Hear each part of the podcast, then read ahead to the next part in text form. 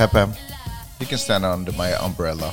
Åh, Fast det kanske är mer, om sanningen ska fram så är det väl mer jag som står under din. Vi har varandras umbrellas. Vi har varandras umbrellas. Gud vad fint. Hur är läget? Ja men det är bra, här sitter jag, du är tillbaka i eh, Los Angeles Mm. efter en vecka i Sverige. Yrare än någonsin känner jag. Ja, det är mycket, mycket gnäll. Det är mycket, och vet du vad? Jag vill verkligen inte gnälla. Jag tänker, men jag, kan, jag, ska vara, jag ska vara ärlig, jag kan inte låta bli att gnälla. Alltså jag hör mig själv, men jag kan inte göra någonting åt det. Jag mår fruktansvärt, Peppe. Men hörru, ska vi gå över till något positivt? Ja. Jag vill fråga dig, vad betyder SPB? SPB betyder Swedish Brad Pitt.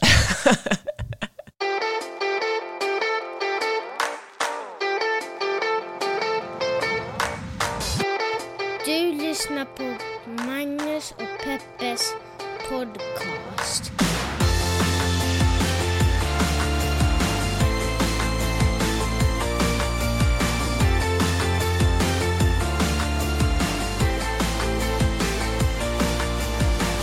Vet du vad jag inte tycker att vi ska göra? Vi ska Nej. inte förklara det där mer. Vi ska bara, varför frågade hon det? Varför svarade han så? What the F is going on? Vi går vidare. Okej, men då måste jag fråga dig en annan fråga.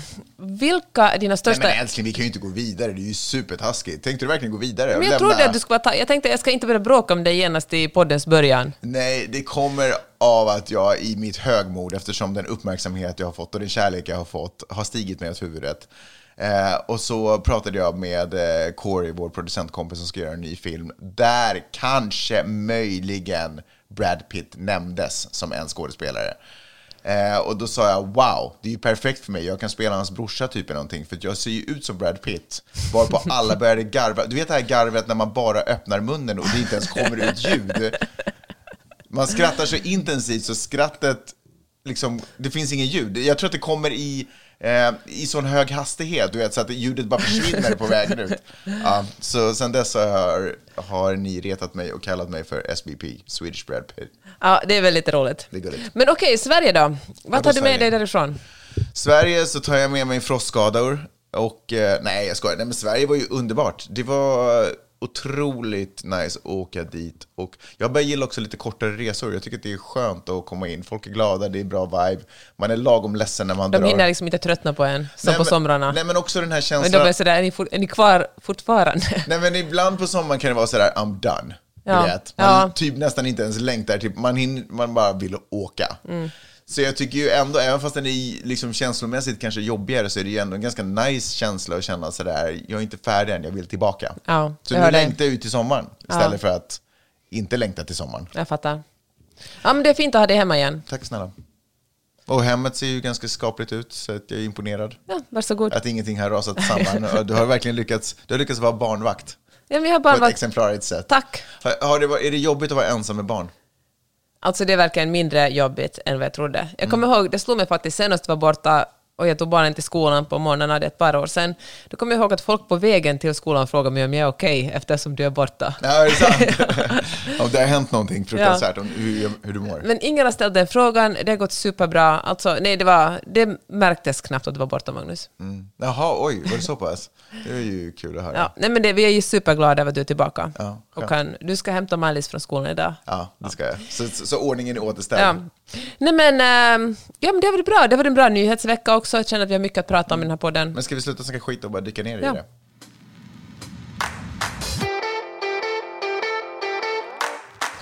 Jag skulle börja tala om ett eh, fenomen som inte direkt har med nyheter att göra, men som jag har tänkt på extra mycket på sistone. Jaha, Jag läste i ett... ett ufo. Nej, det kan vi också tala om om du vill. Men jag tänkte jag skulle tala om begreppet eh, aesthetic labor. Du vet hur man... Aesthetic labor. Ja. Jaha. Du vet när man, eh, som du och jag, är feminister så pratar man om det oavlönade hushållsarbete som kvinnor utför. Kvinnor utför ja, men typ fem timmar mer i veckan i Sverige, säkert 15 timmar mer i veckan i USA, för det är ju så otroligt ojämställt här. arbete i hushållet som eh, de aldrig får betalt för. Ja. Och som männen bara i heterosexuella förhållanden bara freeridar med i. Och uh, vid sidan om det så har ju kvinnorna också ett sånt projektansvar. Där det är kvinnor som planerar vad som ska handlas och vet när det är föräldramöte i skolorna och när man ska åka på semester. Och, liksom helt enkelt, ett, och som är ett ganska stort jobb också. Det är ett stort jobb att vara projektledare. Men så glider männen med bara och eh, skördar frukten av det här arbetet. Och nu vill jag lägga till ytterligare en grej. Alltså aesthetic labor. Alltså allt jobb kvinnor gör för att vara presentabla. Eller att uppfattas som bra kvinnor. Och det kan vara, alltså det extrema är ju, det här diskussionen poppade upp nämligen från Madonnas, eh, eh, hon delade ut ett pris på Grammyna. Och då hade hon sagt att hon helst inte vill ha några närbilder, utan man ska bara ha helkroppsbilder på henne. Men det fanns ändå fotografer som hade zoomat in på henne och eh, det blev ganska tydligt att hon har gjort jättemånga men ingrepp. kul, ja. Nej, men vet du, det finns folk som kanske inte följer henne på Instagram och TikTok, och för dem var det en chock. Kan man ändå få säga, det, alltså, det är en underlig request med tanke på hur aktiv hon är på TikTok. Mm. Ja. Den som är jättenära hennes ansikte. Ja. Ja, men, Men ja. fair, whatever. ja, hon får väl bestämma vad hon vill. Nej, det får hon ju inte, men jag fattar. Ja, men hon kan väl få... Ja, vad hon vill får hon Ja. bestämma. Ja, det får hon. Och, ehm, och folk var ju chockade för de tyckte hon såg ut som en vaxfigur. Hon ser ju verkligen väldigt puffig ut i, i ansiktet. Och, eh, Som en sån här koldocka, kommer du ihåg? På, ja, just det. Men, eh, och eh, så blev det såklart memes, folk skämtade om det här, folk förfasade sig och då svarade en kolumnist i New York Times och en i Washington Post, skrev båda lite liknande, att tänk om det här är Madonnas sätt att vara en feminist, att hon går i bräschen för, eh, och nu är det en sopbild utanför Ja, det som ja. hörs, men strunt samma. Hon går i bräschen för kvinnor och tar steget lite längre. Hon har ju alltid, liksom, genom hela sin karriär, har hon varit en, hon har gått lite för långt och folk har upprörts av det, medan andra har följt efter henne. Att tänk om det bara är hennes, är liksom ett feministiskt uttryck och inte ett uttryck för att hon bara har blivit blind för sin egen spegelbild och känner att hon behöver mera fillers hela tiden. Och eh, det kändes ju åtminstone lite fräscht att inte kritisera henne för ett utseende. Men eh, det som ju också är problematiskt är att eh, det finns liksom ett sätt för kvinnor som man kan säga att de ska åldras med värdighet och det är när plastikkirurger eller det inte syns att man har gjort något med sitt utseende. Och så finns det ett sätt som uppfattas som skamligt och fult och det är när man gör som Madonna, är väldigt, det är det väldigt uppenbart att man försöker hålla sig yngre och snygg och eh, är liksom snygg enligt någon slags här traditionellt normativt eh, värde. Och då man, när det är uppenbart att man har misslyckats med det. Men då läste jag en så intressant analys. Det är en eh, kvinna som heter Jessica DeFino som skriver ett nyhetsbrev som är superbra, som jag ofta länkar till i mitt nyhetsbrev, där hon myntar det här begreppet aesthetic labor. Hon sa att man borde ta ett steg ännu längre från det här och bara fundera på vilket enormt jobb kvinnor sätter ner på att se ut som de gör. Mm. Alltså, Madonna är ju kanske i den ena änden extrem och så kanske en person som på sin höjd använder mascara i andra ändan.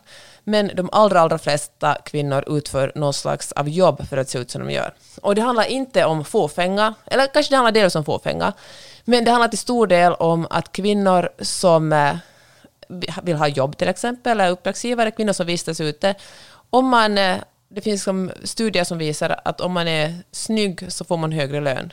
Det är lättare att få jobb, det är lättare att liksom, det är helt enkelt lättare att navigera i, i samhället om man är snygg och ta hand om sig själv. Så det är en investering som på något sätt lönar sig för kvinnor, helt enkelt för det, ja, de får ett lättare liv, eller vi får ett lättare liv om vi är snygga. Pretty privilege kan det kallas.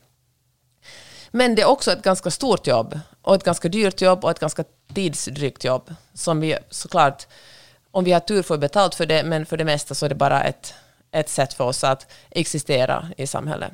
Och jag tyckte det var så intressant, för när man börjar tänka på aesthetic labor så kan det handla om allt som att raka sig under armarna, till att kanske färga håret, till att sminka sig, till att eh, göra liksom plastikoperationer. Men allt det här är ju ett, ett jobb som tar tid från att till exempel ja, men, göra andra saker. Det är sant, men är det inte så att man då på något sätt också har vägt fördelar mot nackdelar? Det är ju ett jobb som tar tid, men som också då verkar löna, löna sig. Ja, eller är det kanske snarare så här att om man inte gör det, då uppfattas man som galen. Och då har man liksom mycket svårare chanser att klara sig. Ja. Det kanske inte, alltså, ja, det lönar sig eftersom den kultur vi lever i kräver det. Alltså, man är en dåre om man inte gör det. Man liksom uppfattas som annorlunda eller weird Ja. om man inte satsar på sitt utseende. Eller så utesluts man helt enkelt ur vissa grupper. Men det är väl ändå allmänmänskligt att människor som uppfattas som fräscha och ser friska och starka ut behandlas bättre. Det är väl inte nödvändigtvis bara en, en kvinnlig sak.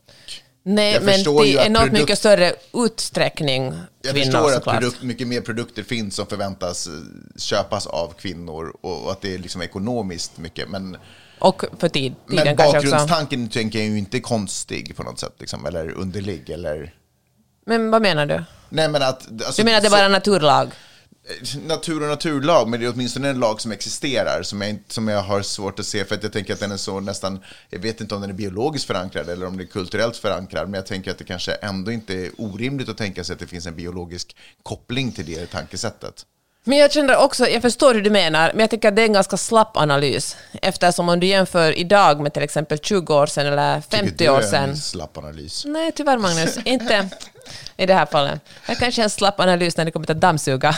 men, nej, men om du tänker så här, alltså hur det har eskalerat också. Hur det är vardagsmat att eh, folk lyfter sina ögonlock, och när jag säger folk menar jag ändå främst kvinnor, använder botox och fillers.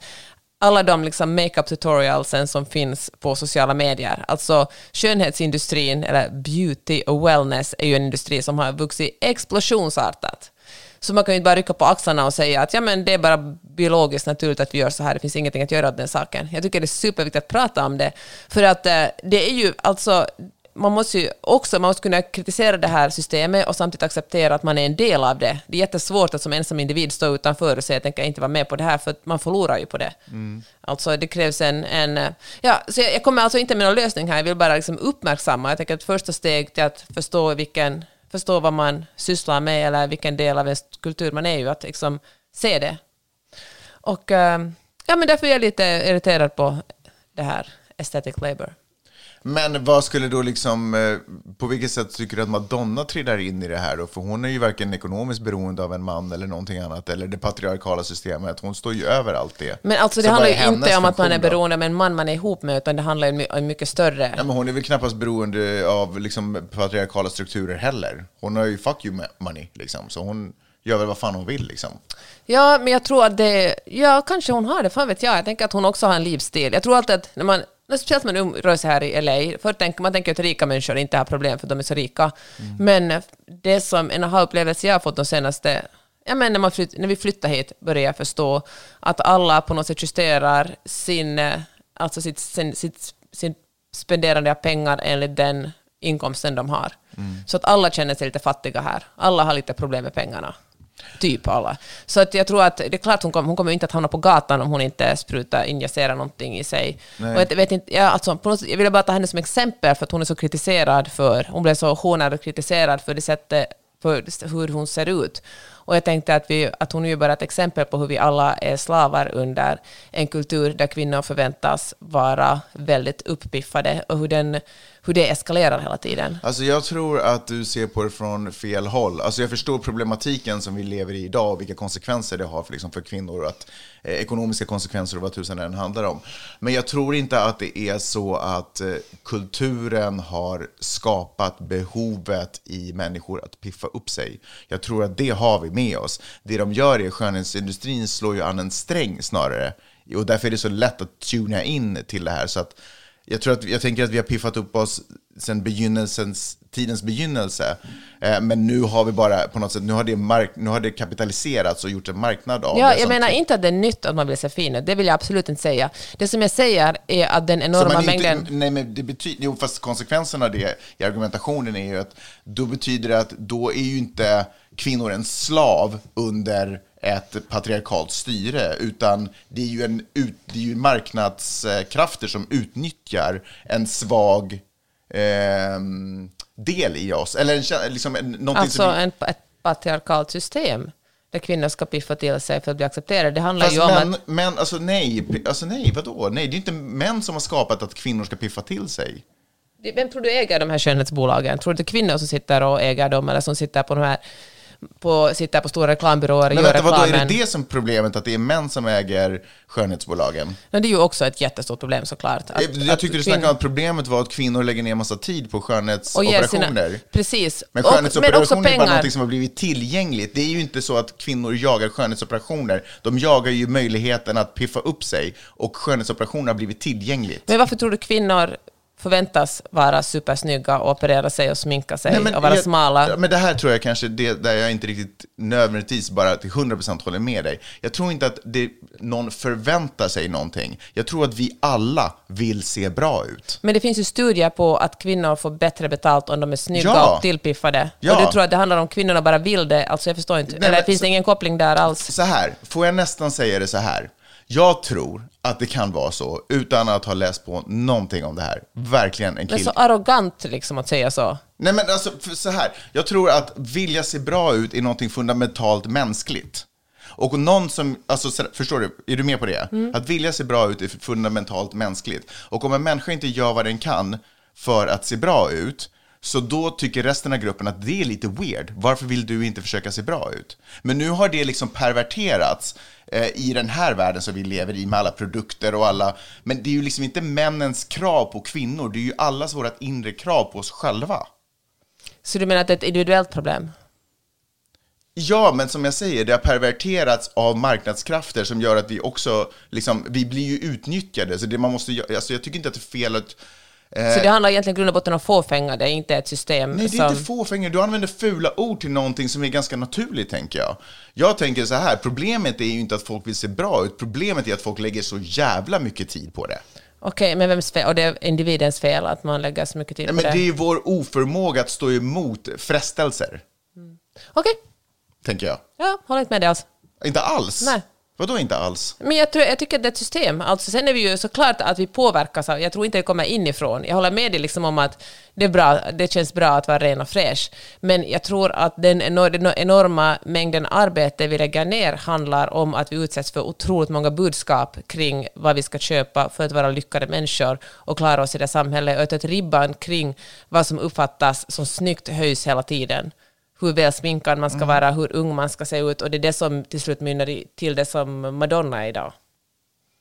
Jag tror inte att det bara det handlar om någon slags, att man är som en påfågel, fast då man är påfågel, man bara vill vara lite fin liksom, utan jag tror verkligen att det, att vi, att det, det kommer snarare utifrån.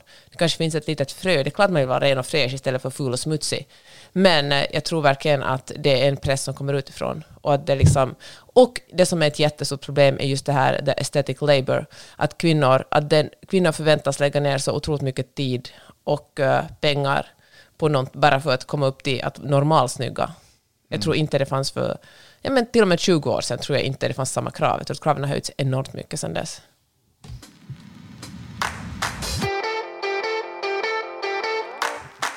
Peppe, vad är grejen med alla jäkla ballonger över amerikansk territorium? Och dessutom kinesiska ballonger. Alltså vad är grejen med det? Är det det att Kina nu tänker vara, en, vara liksom number one? Visa, liksom, visa USA. Det har varit så mycket... Ja, men USA har varit ganska skrangligt de senaste åren. Med superpolariserat, vi har Trump och liksom Qanon, gått på konspirationsteorier och, och liksom Biden som har skött sig ganska bra. Jag tyckte hans, eh, den här, eh, vad heter hans årstal var jättebra. Vad heter det? eh, Speak for the Union. Vad heter det? Shit vad dåligt. Uh, Okej, vi är bara dumma i huvudet. Men i alla fall, han har ju skött sig bra. Det är superlåg låg arbetslöshet, verkar inte bli liksom någon riktig lågkonjunktur här. Alltså, folk har det ganska bra. Men ändå är hans eh, opinion, opinionssiffrorna jättedåliga för honom. Alltså det är ett land som eh, är lite skakigt just nu och jag tror att Kina tar chansen och är sådär att eh, nu, är det, nu ser de liksom en möjlighet att bli nummer ett. Jag ska unna mig själv att vara lite konspiratorisk. Jag pratat typ lite om det i podden tidigare. Men alltså, jag tror att det här är en del av en lång strategi som de har ägnat sig åt i, i decennier. Eh, att att liksom underminera det amerikanska samhället, göra det skakigt. TikTok? polari- Ja, jag tror absolut att TikTok används som en del av den processen. Mm. Jag tror inte att det, TikTok skapades för det. Men jag tror absolut att det amerikanska, eh, förlåt, eh, den kinesiska regeringen eller liksom de styrande där har sett möjligheterna i att kunna använda TikTok för att liksom underminera. Mm. Men jag tror att de har ägnat sig åt eh, förvirrande kampanjer tillsammans med Ryssland. Liksom att det har varit ett eh, bra sätt att bara skaka om samhället så att, och med desinformation och allt vad det är. Eh, och, eh, och att det här är en del av strategin att bli liksom the number one superpower i världen. Och, men jag har tänkt en del på de här jäkla fucking ballongerna. För det första är det liksom inte, det är inte high tech spionage. Utan det är en väderballong som åker runt och tar bilder. Liksom. Det är ju, det är ju liksom absurt egentligen att det är sådana saker som svävar. Och i och med att det är så absurt så är det någonting som jag tycker är så jäkla fishy med det. Så jag tror att det är en, eh, liksom en, eh, vad heter det? Skenmanöver. En skenmanöver. Det är någonting som USA ska titta... För grejen är att vi har kollat senast idag på nyheterna att USA kan inte... Alltså det, de har hittat massvis med fler. De ändrade om... eh, De började nu aktivt söka efter dem och då hittar de massvis med... Eller massvis, men en handfull till liksom. Eh, så nu är USA fullt upptagen med att liksom hålla på och skanna dem, skicka upp sina jaktplan. Och det kan man inte hålla på med hur som helst. Hålla på och skicka upp jaktplan för att skjuta ner ballonger. Alltså, de har, det är dyrt, så det kan man inte göra. Så det är ju liksom ingen långvarig strategi. Så jag tänker medan USA håller på så här, what the F ska vi göra med det här? Och det bara pratas mycket om det. Då är Kina håller på med något annat. Jag tror att de bara, alltså jag tror att det är trolleritrick. Men vad kan det annat? Vad håller de på med då? Ty- Tyvärr, alltså, om det är något tillfälle som jag önskar att jag hade satt liksom, på underrättelsetjänst information eller överhuvudtaget var bevandrad i liksom, nationalpolitisk global säkerhet eller något sånt, så hade jag säkert haft ett smart svar. Men alltså, någonting pågår på någon annan plats. Jag vet inte om de är på väg in i Taiwan under tiden, eller om, alltså jag vet inte, men någonting annat gör de. Men, tycker- alltså, läskigt är de på väg in i Taiwan, för det har ju Biden sagt att, de kommer att, att USA kommer att försvara Taiwan, då är det ju krig. Alltså jag tycker att det Kina gör just nu är så jäkla, jäkla obehagligt. Det, alltså, Ryssland och Ukraina, redan den, den är ju inte klar på, på långa Nej. vägar. Eh, bara det är sjukt obehagligt. Vi har en, en, eh, en, en galen människa som bara för att han känner sig tillräckligt provocerad kanske trycker på en, på en jättedålig knapp. Eh, och samtidigt, så det är liksom redan ett spänt läge. Eh, för att om den knappen trycks på, då, är det liksom, då flyger det ju missiler till höger och vänster. Och att i det här läget hålla på och skicka spionballong, alltså sådär. Fast jag fattar att nu kanske det är bra timing för världen har liksom inte riktigt kapacitet och kraft och ork och energi att skydda Taiwan om det är så. Och om de då går in, det är liksom... Kanske de känner att det är en bra, det är bra tid att göra det nu när... Fast tror du verkligen det? Jag tycker att USA har varit ovanligt tydlig med att försvara Taiwan. Alltså, mycket Jo, tydligare. men det måste man ju vara så länge man kan prata om det. Men vad händer om de faktiskt går in? Alltså USA kan ju inte gå i krig mot Kina, det går inte. Det går inte för Taiwans skull. Det, var, det är ju helt absurt, det går inte. Liksom. Eller?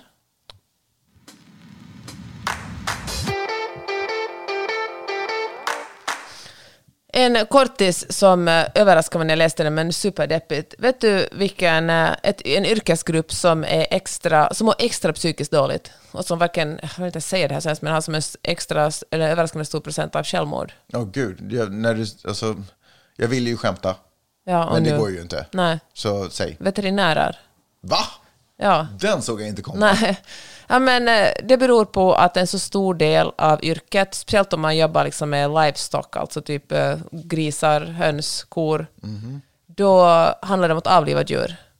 Och då undersöker man heller inte djur så liksom ett och ett, utan det kan vara att man, liksom upp, man undersöker representanter från gruppen och så kan det vara sådär Så drar man ett medeltal och så bara, sen, de alla, ska- alla är förmodligen sjuka. ni ska dö. Ja. Och eh, hur otroligt psykiskt tungt det här är. Jaha. Visst är det hemskt alltså? Ja, jag har inte sett det på det sättet. Men det är ju klart, veterinärer har väl samma, nej, men precis som läkare förhoppningsvis har, att sådär, det handlar om att rädda liv och så. så det, Ja. Men reglerna är lite annorlunda. Alltså med läkare Såklart. handlar det till alla pris, men den här... Det, Alltså jag vill säga någonting Inte till alla pris. jätteabsurt och jag har egentligen aldrig tänkt den här tanken, men nu när du beskriver veterinärer så, de har ju, så här, för mig har ju veterinärer, jag tänkte säga att de är närmare besläktade med matindustrin än de är med läkare, men, men det är de ju obviously inte. Men jag har liksom ändå sett att den, alltså ja, jag vet inte, jag har inte riktigt sett på veterinärer på samma sätt som, Mm. just för att det är djur de tar hand om. vi har en, en god vän som jobbar som veterinär här i, nu är hon i Sverige, men hon jobbar i USA, otroligt ambitiös person. Jag kommer ihåg att hon flera gånger berättade att uh, djurskyddslagarna är så mycket slappare här. Så att medan man i Sverige har ett ganska tajt djurskydd, alltså inte tillräckligt, men ändå ganska, så var det otroligt deppigt här när hon kunde säga att det kom, någon kom in med en hund eller en katt och sa att den här, mitt djur är sjukt och hon sa att men du måste, det här, de här medicinerna behövs, det här måste du göra. Och folk var sådär att sorry, jag kommer inte att göra det för jag har inte råd med det. Och det går inte. Eller jag har inte lust att göra det, jag vill inte lägga de här pengarna på mitt djur. Och eh, hur tungt det var att, att se djur lida för att uh, äga Åh, gud vad hemskt. Stackarna. Upp, så att... eh, Så då, alltså, men, aha, okej, så då går de igenom alltså psykisk stress och press som gör Ja. att de... Ja, så att, eh, och det är så hemskt, veterinär är ju ett yrke som man verkligen inte är alltså, alltså, naiv. Om man bara, som barn drömmer man ju om att vara veterinär, att han får vara med djur hela tiden och hjälpa djur som är sjuka. Men eh, det finns ju verkligen en baksida på det. Usch.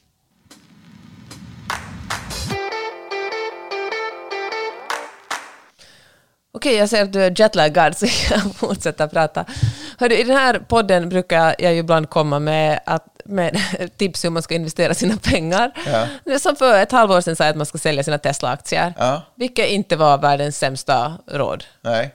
Nå, nu ser jag så här, om man, nu har man, eftersom alla gjorde det, och nu har man lite extra mycket Så pengar. nu kan man köpa Tesla-aktier igen. Nej, ja, det vet jag inte om jag skulle göra. Men om det är en bransch eller ett område jag skulle investera i så är det klimakterie. Men Peppe, jag tycker att det är superobehagligt att du ger ekonomiska tips till eh, folk. Speciellt med tanke på vad jag ser på mitt eget konto.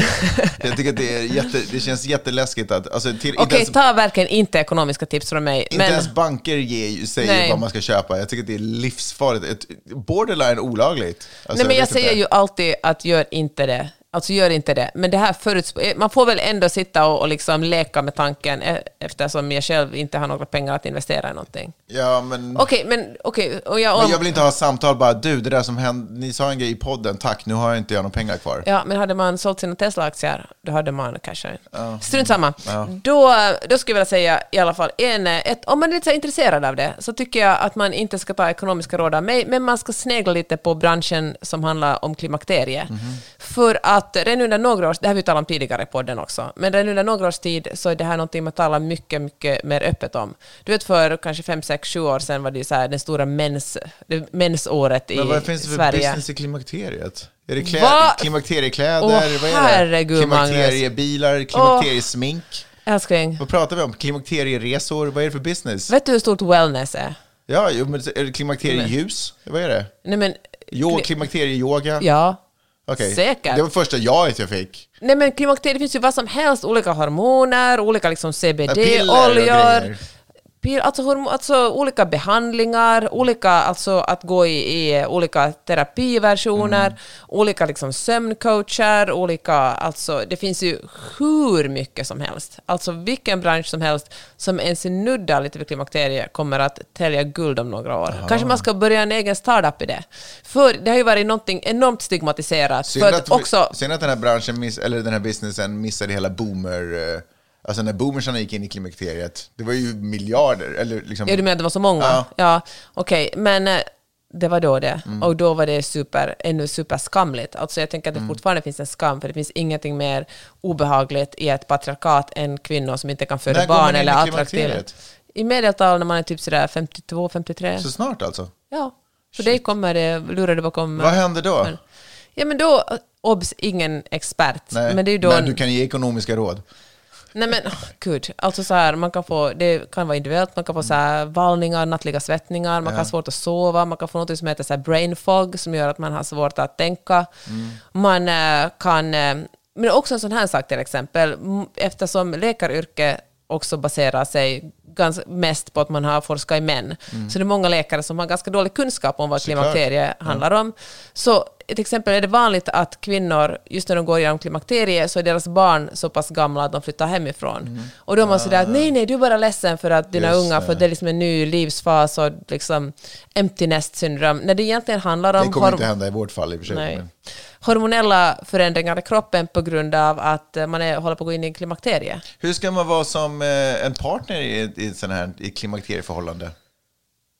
Jag vet inte, alltså vad Du verkar bra? ha läst på mycket om det bra här. människa? Nej, jag har läst på det som har med pengar att göra. Ja. Alltså, jag är inte ännu där. Du bara, fuck hormoner, let's get some cash. Nej, men för till exempel så här också, hormoner var något man började testa på, liksom man har testat på det länge, men på 90-talet kom det en, fors, en studie som sa att äter man hormoner så finns det en liten risk för ökad bröstcancer och annan cancer. Och då blev det panik, så då slutade folk äta hormoner och läkare slutade skriva ut hormoner och kvinnor mådde otroligt dåligt. Alltså hade svårt att gå till jobbet för sina svettningar, kanske depressioner och alla andra symptom. Vad är det för hormon som, alltså vad händer i klimakteriet? Det är någon Nej, men hormonbalans östrogen går ner eftersom man inte producerar ägg längre. och ersätts med vad då höll jag på att säga? Men vad är, det, är det någonting som går upp då eller vad blir Men övervikten? Jag, tänk, jag kan inte liksom komma... Shit, det vill jag veta mer om. Ja, men googla det. Fråga Okej. ChatGPT. Skriv något sånt där, pretend you're a medical doctor. Okej. Specialized in, in uh, menopause. Och sen, okej. det hemligheten är ju med det här förresten, alla de här uh, ChatGPT och alla de andra, är att vara så specifik som möjligt när man googlar. Säga varifrån man vill att svaret ska komma. Mm. Okej, men kom inte Hur som fan. helst. Ja. Men eh, ja, så det finns, vad som händer i klimakteriet, ja men det kan vara några väldigt traumatiska år för att Mm. man känner inte igen sig som kvinna. Stabiliserar det sen? Ja, eller sen lär blir- man sig leva med det bara? Eller? Sen stabiliserar det sig. Kommer liksom östrogenet upp igen då? Eller? Nej, Magnus. Nej. Ja, men se, titta nu, om du skulle vara läkare, skulle du bara vara sådär, nej, gå hem och ta en rask promenad och skaka av dig det det är där. ju verkligen, alltså jag klipper poddar. Ja. och ingen av dem jag klipper är i närheten av att gå in i Nej, men klimakteriet, det är säkert. Alltså, jag vet flera av dina poddar där kvinnorna är i den åldern att de är nära att gå in i klimakteriet. Lilla lördag till exempel. Skönt att hänga ut dem sådär. För det är inget fult att gå in i klimakteriet. skojar! Jag Det skojar du inte alls, det är jag ska i alla sant. fall, jag ska, jag ska köpa en handbok i hur man eh, är en bra partner när ens fru går in i klimakteriet. Ja, det tycker jag verkligen du ska göra. Hur som helst kanske du också ska göra en startup där du kan kapitalisera... Nej, jag skojar. Jag kanske gör en handbok och säljer den. Ja, kanske det. Ja, men det, är, det var en jättelång artikel som också finns. Nu, allt, nästan allt jag pratar om finns i mitt nyhetsbrev. New York Times hade Mm. en jättelång artikel om det här som jag verkligen kan, kan rekommendera att läsa om eh, hur, det handlar både om hur kvinnor har blivit behandlade av sina läkare och liksom hela det här att man var superrädd för att äta hormoner när det kanske inte alls, det inte alls är så farligt utan tvärtom hjälper den jättemycket och så vidare. Och, så vidare. Mm. och hur det håller på att avstigmatiseras. Intressant. Intressant, intressant. Hör du, apropå, speaking on that eh, topic, så, eh, så vill jag också bara säga att om man inte orkar leta reda på den här artikeln så kan man alltså verkligen bara prenumerera på ditt nyhetsbrev. Det är ett otroligt sätt att få eh, tillgodogöra sig bra länkar, bra information, kurerade av ingen mindre än Peppe, the klimakterieboss, är man. Eh, på peppe, peppe, nej, peppe.substack.com så kan Ja, man där ligger den. så kan man prenumerera. Det, jag kan verkligen varmt rekommendera det. Gör det. Ja, det är ett jättebra nyhetsbrev måste jag säga. Där skriver jag också en liten krönika och tipsar om en tv-serie eller film eller något bra man kan njuta av.